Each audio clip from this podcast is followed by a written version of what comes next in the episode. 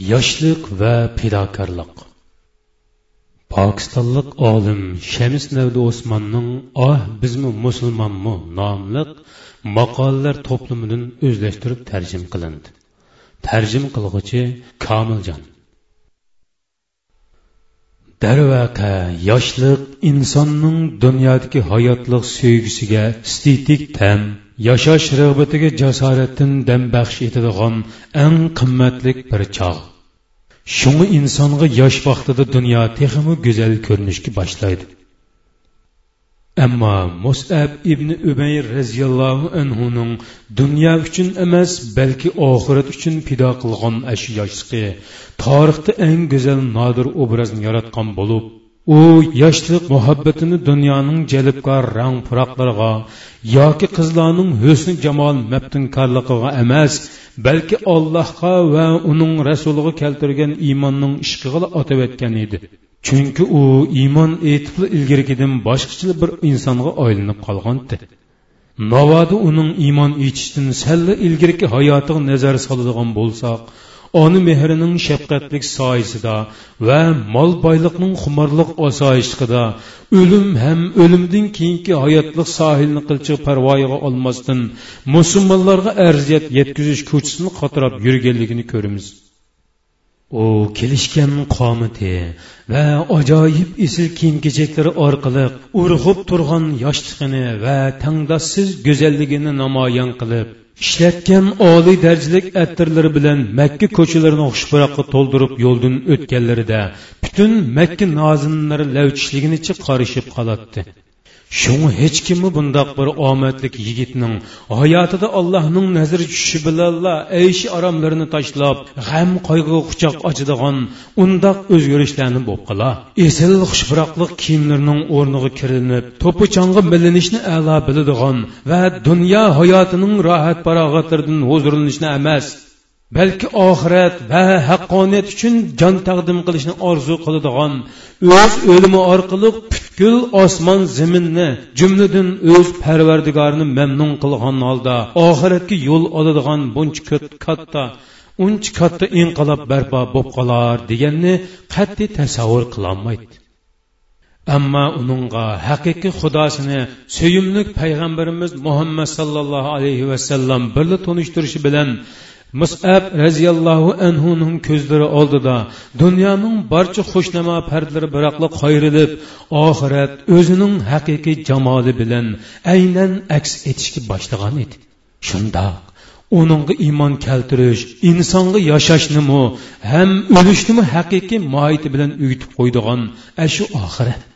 Uningga bo'lgan iymondan mahrum kishi. Garchi dunyoda har qancha katta martabalik bo'ladisimu ammo haqiqiy inson bo'lolmaydigan ashu oxirat. Uningdan jannatning hidini ilish bilanla. Inson dunyoda tikan chatqonlar ustida mangotibmi go'yo gul yaproqlari ustida mangayotgandek badallari zaxminib turibmi? Marham surib kelayotgandek o't yolqinlar ichida qilibmi bog'i bo'stonlarda sayr qilayotgandek ich ichidan tabassum qilishga boshlaydigan shundoq oxirat shundoq inson har qancha uni inkor qilgan bilanmi yana uningdan qechib qutulolmaydigan shu oxirat. O'z manzirasini musab roziyallohu anhuning ko'z oldida aynan aks ettirishga boshlagan edi. Shunga u qalbidagi butun butlarni darhol chiqib tashlab uning o'rniga haqiqiy xudosining zikrini chunqur yerlashtirib to'rt atrofga boqqanida haq bilan botil o'ttirsidagi hayot mamotliq uzilmas kurashning davom qilayotganligini ko'rdi.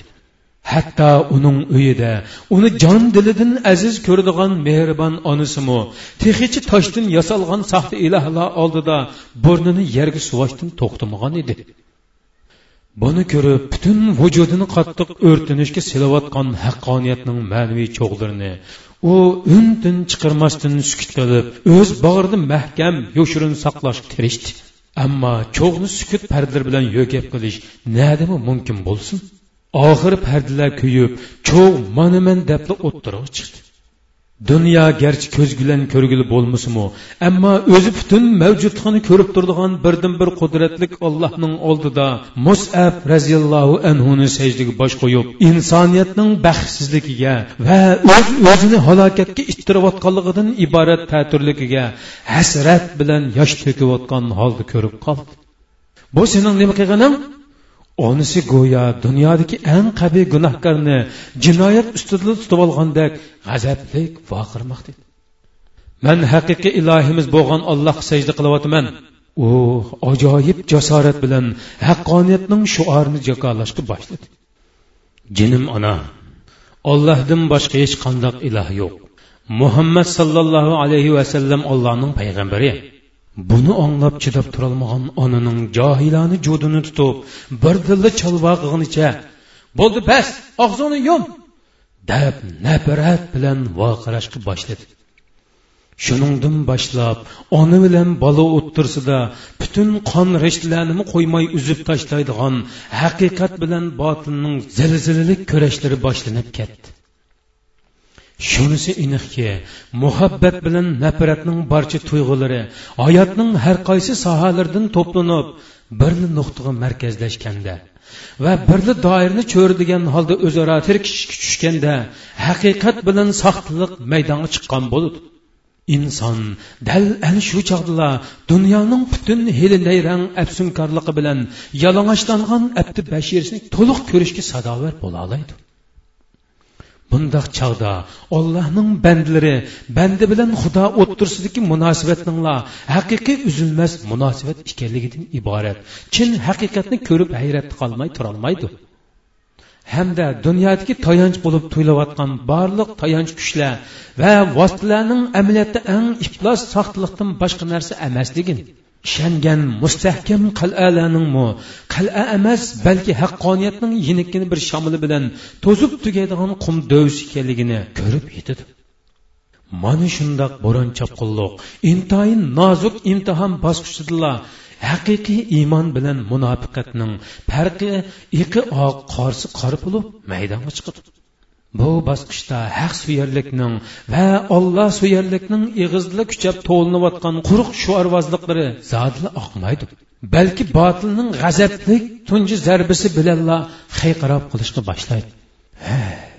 Ammo bu yana shundoq bosqichki uningda haqiqiy iymonning bostirilgan uchqunlari mo'min vujudidan g'ayvatlik volqon kabi portlab chiqib botilning o'tolmish yemirilmas lashkarlarini kuydirib kul qilganicha dafn qilib o'tishga boshlaydi. Mo'minning bechorlarcha amalsizliklar hammadan katta kuch quvvatiga aylanib qoladi. Mo'minning yo'qsizligi uni shundoq qurollantirdiki hatto birli islom lashkari o'z vujudida go'yo butun dunyoga yolg'iz jang ochaoladigan yolg'iz o'zini jang qilib hargizmi mag'lub bo'lmaydigan qat'iy bir irodani his qilishga boshlaydi. Shunglashqa botil har qancha bo'lganda mo'minning beshini uzib tashlay olsimi ammo hargizmi bosh egdirolmaydi hazrati musab roziyallohu anhu birli chondosh bilan yuksaklikning ana shundoq katta maqomini qo'lga keltirgan bo'lib garchi uni lazzat rohat farog'atlari badliga setilish uchun to'rlar kangri yeyilgan bo'lsimi ammo u dunyoning bundoq razil tirishchanliqlarga bir tarafdan nafratlanib kulsa yana bir tarafdan ich og'ritib yosh to'kdi mehr shafqat kuyinishlar bilan uni eritmoqchi bo'lgan botil oldida o'zining go'yo bir tavranmas tog' cho'qishganligini isbotlab beradi. Dunyoning nomratlik va yo'qsizlik bilan qo'rqitishlari oldida oxiratning halokatlik sharmisorligidan boshqa har qanday g'am andishlarni pisantigmi olmadi ana shu chog'dala karamlik allohu taolo bu yop yoshli bandisining qalbini mangu tamom bo'lmas qalb boyliqining g'azinisiga aylantirib berdi u butun dunyodan peshini tiqib o'rnidan dast turdi mehribon onasidan hayvatlik katta qo'ruv joyidan qimmatlik isil kiyim kechaklardan voz kechdi lazzatlik taomlar bilan to'lgan dasturxonlardan qo'pib hatto o'z vatanidanmi ayrildi birli olloh uchun butun dunyosini tashlab chiqdi yangi bir islom vatanini izlash ko'yida o'zlari vatansizlashib ketayotgan yo'qsul musulmonlar karvoniga qo'shilib makkadan habisistonga yurib ketdi demisimi vatansizlashish uncha oddiy ish emas ammo bu dunyoning hech bir yerida haqiqiy uyining yo'qligini bilgan hamda aslidagi haqiqiy uyining o'limdan keyin boshlanadigan ana shu ikkinchi dunyoda mavjud ekanligini tunib ketgan kishilarga nisbatan eng ko'ngillik faoliyat bo'lib hisoblanadi. Chunki ular ana shu ikkinchi dunyoda alloh taoloning o'z bandlariga nazar silib kimning oxiratni dunyoga tegishib yana kimning dunyoni oxiratga tegishib kelishini kutayotganligini bu dunyoning yana bir tarafi ostidan hasanlar bulduqlaydigan o'stanglar eqib yop yeshil bo'stonliqlar gul guliston chimon bog'lar xushbiroq mayin shamollar xushnavo hamda sanolar bilan to'lg'an g'am andishlardan butunlay xoli zabmu go'zal ajoyib yiqimliq butun orzu tilaklarning real dunyosi bo'lgan jannat ekanligini yana bir tarafi bo'lsa hamma yerdan o't yinib turadigan tosh kesaklar bilan tosh yurak insonlarningla ustixonlarni o'ziga yiqilg'i qiladigan minglagan insonlarni yutib turibmi yana bormi deb to'xtamay tovlab turadigan to'ymas o'tlar insonlarni o'ziq qilsa ochko'z insonlar do'zax o'tini yeb iflos jarohatlardan oqqan qon yeringlarni ussizlik qiladigan qabohatlik jahannam ekanligini ko'rib yetgan edi. Hazrati musab roziyallohu anhu habistonga yo'l olganda uning jismida g'azablik onasining zanjirlashtir tufaylidan qap qolgan zaxm yorlarining dog'lari bor edi. Ammo qaytib kelganida bo'lsa go'ldak yumron badallari jihod va ulug'liqning yolqinliq xumdallarida bo'lishiga kuyib qardob tovlanib kelgan edi. Makka ko'chalari texi yaqindala shuncha qimmatlik esil kiyimlar bilan hammaning havisini keltirib o'tganlik ko'chini soatlargacha attir purqig'i to'ldirib mag'rurona qadam tashlab yuradigan bu so'latlik yigitning amdilikda bo'lsa bir parcha yetiq o'ranjini ustiga ortib olganligini yana kelib o'ranjisiga raxt tepilmay eski terilardan yamoq tushganligini ko'rmak dedi. Guldak chiroyi sarg'ayib qolgan o'ppidi anordek mangzi o'ltirishib ketgan oqroq nuroni peshonasidan vatansizlikning alamli g'ubarlar to'kilib turgan arki yoshligi oxirat bilan insoniyatning g'imida vaqtidan ilgari yashinib qolgan ammo qalbining har bir so'qishlari shod xuramliq qat'iy ishonch jasorat va g'ayratning nurli fontonlariga cho'milib oxirat sabrining har bir manzilini jaholat va osiylik tufayli jahannam tarafga yo'l olgan holda emas balki butkul osmon zimillarning nuri alloh subhanahu va taoloning jannati tarafga yo'l olgan holda besilib ketayotganligini besilgan har bir qadamning uni borgancha jahannamdan yiroqlashtirib jannatul firdavs tarafga yaqinlashtirayotganligini cheksiz baxtiyorlik ichida his qildirayotgan edi. Ana shundoq ruhiy mamnuniyat bilan u eng dastlab rasululloh sollallohu alayhi vasallamning oldiga salomga bordi.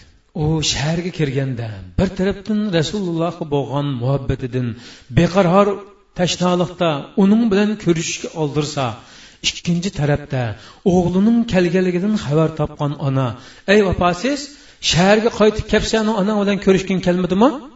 Deb xat avatgan edi.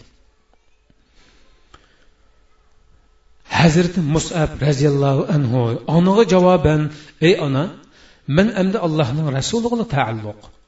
Uning bilan didorlashmay turib har qandoq ikkinchi birisi bilan ko'rishni qat'iy xohlamayman deb so'z yo'lladi.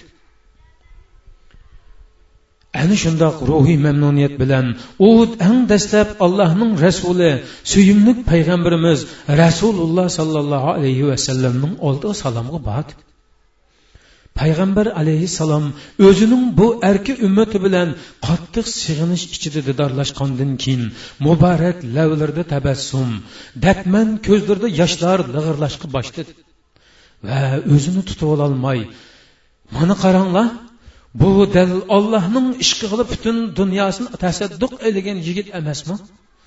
Deb jarongli qalb sadosini yangratdi allohning oxirgi payg'ambari bilan qong'ichi didorlashib qalbini taskin topqizgandan keyin onisini jahannamning yolqinlaridan qutuldirilish uchun oxirgi qitim tirishib beqish ko'ydi yana uyiga ravon bo'ldi. Voy texchi sen shu dindima ona hayronlik ilkida g'azablik ovozi bilan o'g'lidan so'ramoqda edi shundoq ona alloh o'zi uchun va payg'ambar uchun tanlagan ashu muqaddas dindiman o'g'il onasiga qattiq qayg'urgan holda javob berib do'zax o'tig'i tushib ketayotgan onasining peshidan tortib olish uchun yana bir qatim qo'l uzatdi. Ammo ona yanada unimidi shundoq qilib allohning bu jonpido bandisiga nisbatan onaning muhabbatini allohning rahmati uchun qurbon qila olamdi yo'qmi? degan nozik imtihon yana davomlashishga boshladi. Baxtsiz ona baxtiyor o'g'lining cheksiz kuyimchanlik ishida uzatgan qo'lini ittirib tashlab yulduzlar bilan qasamki man hargizmi sening diningga kirmayman? Ajibo kishilar mening fikrimni ayblab aqlidan ojirg'on deb baho bersinmi? Yo'qol. Darhol ko'zimdan yo'qol. Man yolg'iz diningla emas balki senimi qo'shib manguga uyimdan haydidim deb voqirashga boshladi. Amaliyat ham rostila shundoq bo'ldi.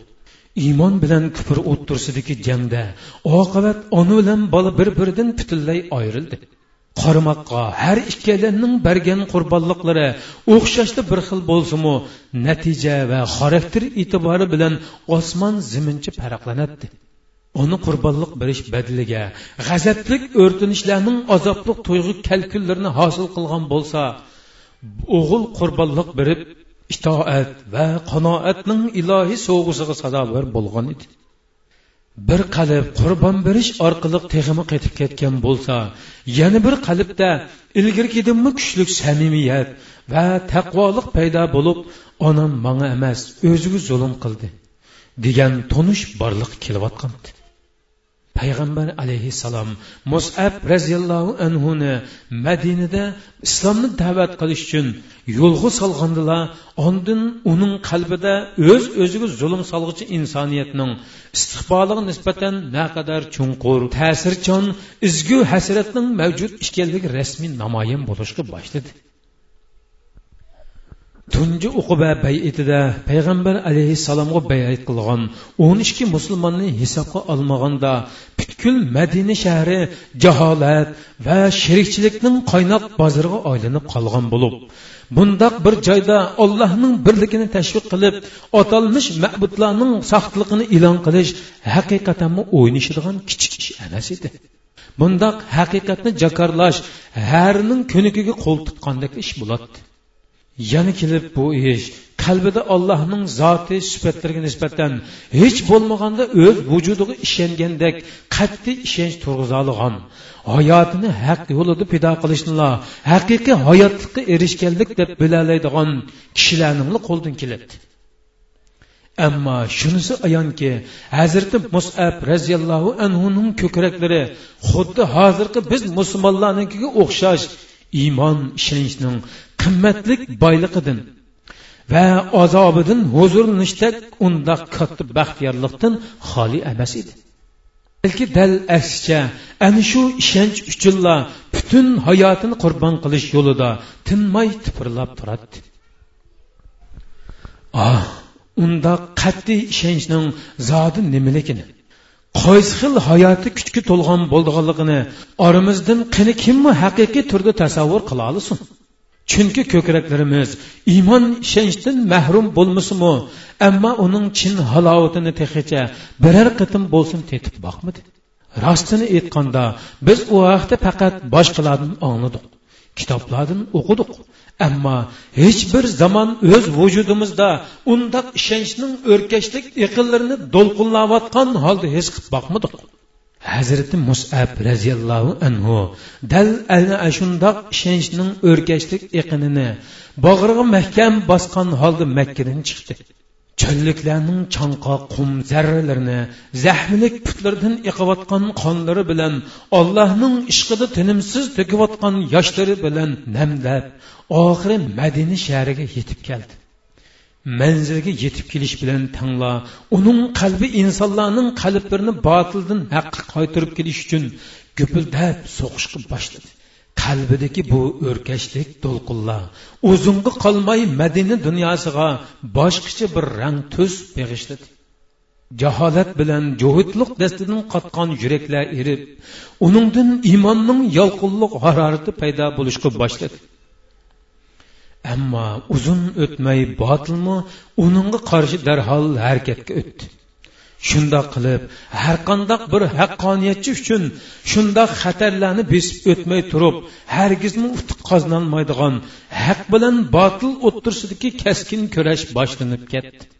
Bani ashhal qabilasining sardori said ibn muoz bu yangi harakatdan xabar tepib g'azabdan yerilg'udak bo'lib ketgan edi. U o'zining eng ochchig'i yomon safro xizmatkori usaydga nezini tutqizib san oldi bilan makkaga berib bizning yoshlarimizni yo'ldan chiqarayotgan u ablahning kimligini bilgin. Ondan mayli qandoq qilsang qilib hatto o'ltirsangmi o'ltirib madindan qovlab chiqarmog'icha qaytib kelma deb topildi. Usayd ko'zlaridan g'azab uchqunlarini chachratganicha musab roziyallohu anhuning yiniga yetib keldi. Va asabiylashgan holda san kim? Bu yer nima qilib yuriysan? Agar o'lishni xohlamasang darhol uyingga qaytib ket kelgan yeringga tikibat deb voqirashga boshladi. Ajoyib tangdoshsiz iymoniga ega musab roziyallohu anhu uning bu tahdidlaridan qo'rqib qolmadi yoki ochiqlabmi ketmadi. Balki maxsus mo'minlarning xususiyati bo'lgan hikmat turdonlardan guldastlarni tizib tarsa usaydni o'ltirib so'zini tinglab boqishga ko'ndid usayd qo'lidagi nayzini yerga sanjib qo'yib qopiqini g'azabdan turgunicha yerda o'ltadi musab roziyallohu anhu ajoyib dilkash mungluq ovoz bilan qur'onning texi bir qancha oyatini tilovat qilib berishi bilan tangla usaydning chiroylari sog'irib ahvoli o'zgarishga boshladi. Turilgan qopoqlarmi lassidi bo'shishib qoldi. Alamlik his tuyg'ulari chiroyida namoyon bo'lib texi boyli g'azabdan o't chochirib turgan ko'zlari liqqida yoshga to'ldi. Qisqasi usaydning qalbi o'zining kontrolligidan butunlay chiqib ketgan edi. Shunga u birdam ichida o'zini islomning etikidan o'rin olgan holda his qilishga boshladi. Amdilikda u o'zini avatgan kofir sardorni islomga boshlab kirish uchun ketib boradi uning chaqirishi bilan usayd ibn muazmi yetib kelib haqqoniyatning qalb navosiga mahliyo bo'lib qoldi. Shundoq qilib shom vaqti kirib bo'lguncha butun qabilaning qalbini musab ibn umar roziyallohu anhuning dadlik sadolari islomga tortib bo'ldi. Hamda uzun o'tmayli madina shahrini urushsiz fatih qilinishga tayyor holatda payg'ambar alayhissalomning kelishini to'rt ko'zi bilan kutib turgan islom shahriga aylantirib qo'ydi. Ammo musab ibn umar roziyallohu anhu bu urushsiz jihatda kufr va sherikchilikning ana shundoq qonchilagan saftirni mag'lub qilib bo'libmi? Yanala allohga bo'lgan bandichilikning haqqini ado qilolmadim deb o'kinib yig'laydi. Shunga u badr va uhuddan iborat qurolliq jihodlarga baqarorlik bilan qatnashib oxiri uhud maydonida islom uchun o'z hayotini taqdim qilib shahidlik visolig'i yetdi. Bu urushda islomning bayrog'i uning qo'lida bo'lib garchi dushmanlarning qilichlari uning qo'lini uzib tashlay olsimi ammo bayroqni yerga tushirolmadi. Musab ibn umar roziyallohu anhu yolg'iz birli qo'lining qolganligini bu yolg'iz qo'li bilan qilichini ko'tarib o'z jinini qo'g'dash yoki qilishni tashlab islom bayrog'ini egiz ko'tarishdan iborat ikki ishdan birini qilg'ili bo'lganligini ko'rgandan keyin ikkilanmasdan qilishni tashlab bayroqni egiz ko'tardi. Chunki u birdam bo'lsimi islom bayrog'ini egiz ko'tarib turishning dunyoda mangu o'lmay yashashdanmi bakrak qimmatli ekanligini yaxshi biladi uning yoshlik hayoti iymoniy tuyg'ularining ishoralari bilanla ana shundoq harakat qilayotgan bo'lsa bayroqni darhol egiz ko'targan ikkinchi qo'li olloh roziligi uchun shahid bo'lib kesilib tushishni kutmakda edi dushmanning yovuz qilichi uning ikkinchi qo'liga urildi. Ammo u uzilgan qo'llari bilan yerga tushish oldi turgan islom bayrog'ini ko'kragiga mahkam besib oldi. Buni ko'rib asabiylashgan dushmanning nayzisi uning ko'kragiga tegish bilan sunib yerimi musab ibn umar roziyallohu anhuning ko'kragida qodilib turib qoldi. Uning jismi bir oz daldigunishdan keyin yerga yiqildi. Ammo islom bayrog'i yanada yerga tushmasdan uning tipirlab turgan jismi ustiga tushgan. Keyin payg'ambar alayhissalom uning jasti yinig'i kelib makkaning shuncha kelishgan so'latlik yigitining olloh yo'lida qonga milinib yotganligini ko'rib ko'ngli qattiq buzildi. Ko'zlaridan yoshlari quyilib muborak ovozi ajoyib hayajon bilan portlab chiqmay turolmadi. Ey musab payg'ambar alayhissalom shehidning ruhiga xitob qilyotadi man makkada seningdek kelishgan esil kiyimlik ikkinchi birisini ko'rmagan edim. Mana bugun chochlaring chuvilg'an jismingda bir uranchidan boshqa narsa bo'lmagan holda yetibsan. Man ollohning payg'ambari shuningga guvohlik beramanki qiyomat kuni cho'qim allohning huzurida intayin katta martaba bilan hozir qilinasan. Ah uning ashu bir tol uranchisimu kepalligiga yetmay beshini yopsa puti. Putini yopsa beshi ichilib qoldi. Oxirida yigitlar shehidning putini o't cho'plar bilan yepib dafn qildi. Allohning rasuli ana shundoq guvohlik bergan musab ibn umar roziyallohu anhuning iymoni odamning naqadar rashkini qo'zg'aydi ha? Bizning o'z qalbimiz guvohlik berib nimalardandu qo'rqqancha jimib qoladigan navbatdagi pichak iymonimiz. Naqadar insonning yig'isini qo'zg'aydi ha? Tangla atiga hashar maydonida olloh uningga o'zi guvohlik berib musab haqiqatan mening bandam edi. Mening haqiqiy bandam edi. Davatqon va uning qonga bo'yalgan vujudi allohning katta marhamatiga noil bo'layotgan paytlarda biz zodi nalarda qaysi xil qismatlarda qandoq holda bo'larmiz qarindoshlar birdan bo'lsimi oqibatimizning qandoq bo'ldiganligini qani bir o'ylab boqmaylik biz olloh uchun jon berish va ko'krakka nayz yeyishga u yoqda tursin. Hatto inson va hayvon ekanligimizni farqlantirgili bo'lmag'idek navbatdagi osiylik va hayosizligimizdan o'zimizni qutuldirishga chorasiz qolmoqdamiz. Xulosalab aytganda biz allohning hisobsiz nozi ne'matlariga hatto egisining kichikkina yaxshiligidanmi minnatdor ishchilikmi javob qaytarolmayotimiz undaqda allohning huzuriga qaysi yuzimiz bilan boramiz?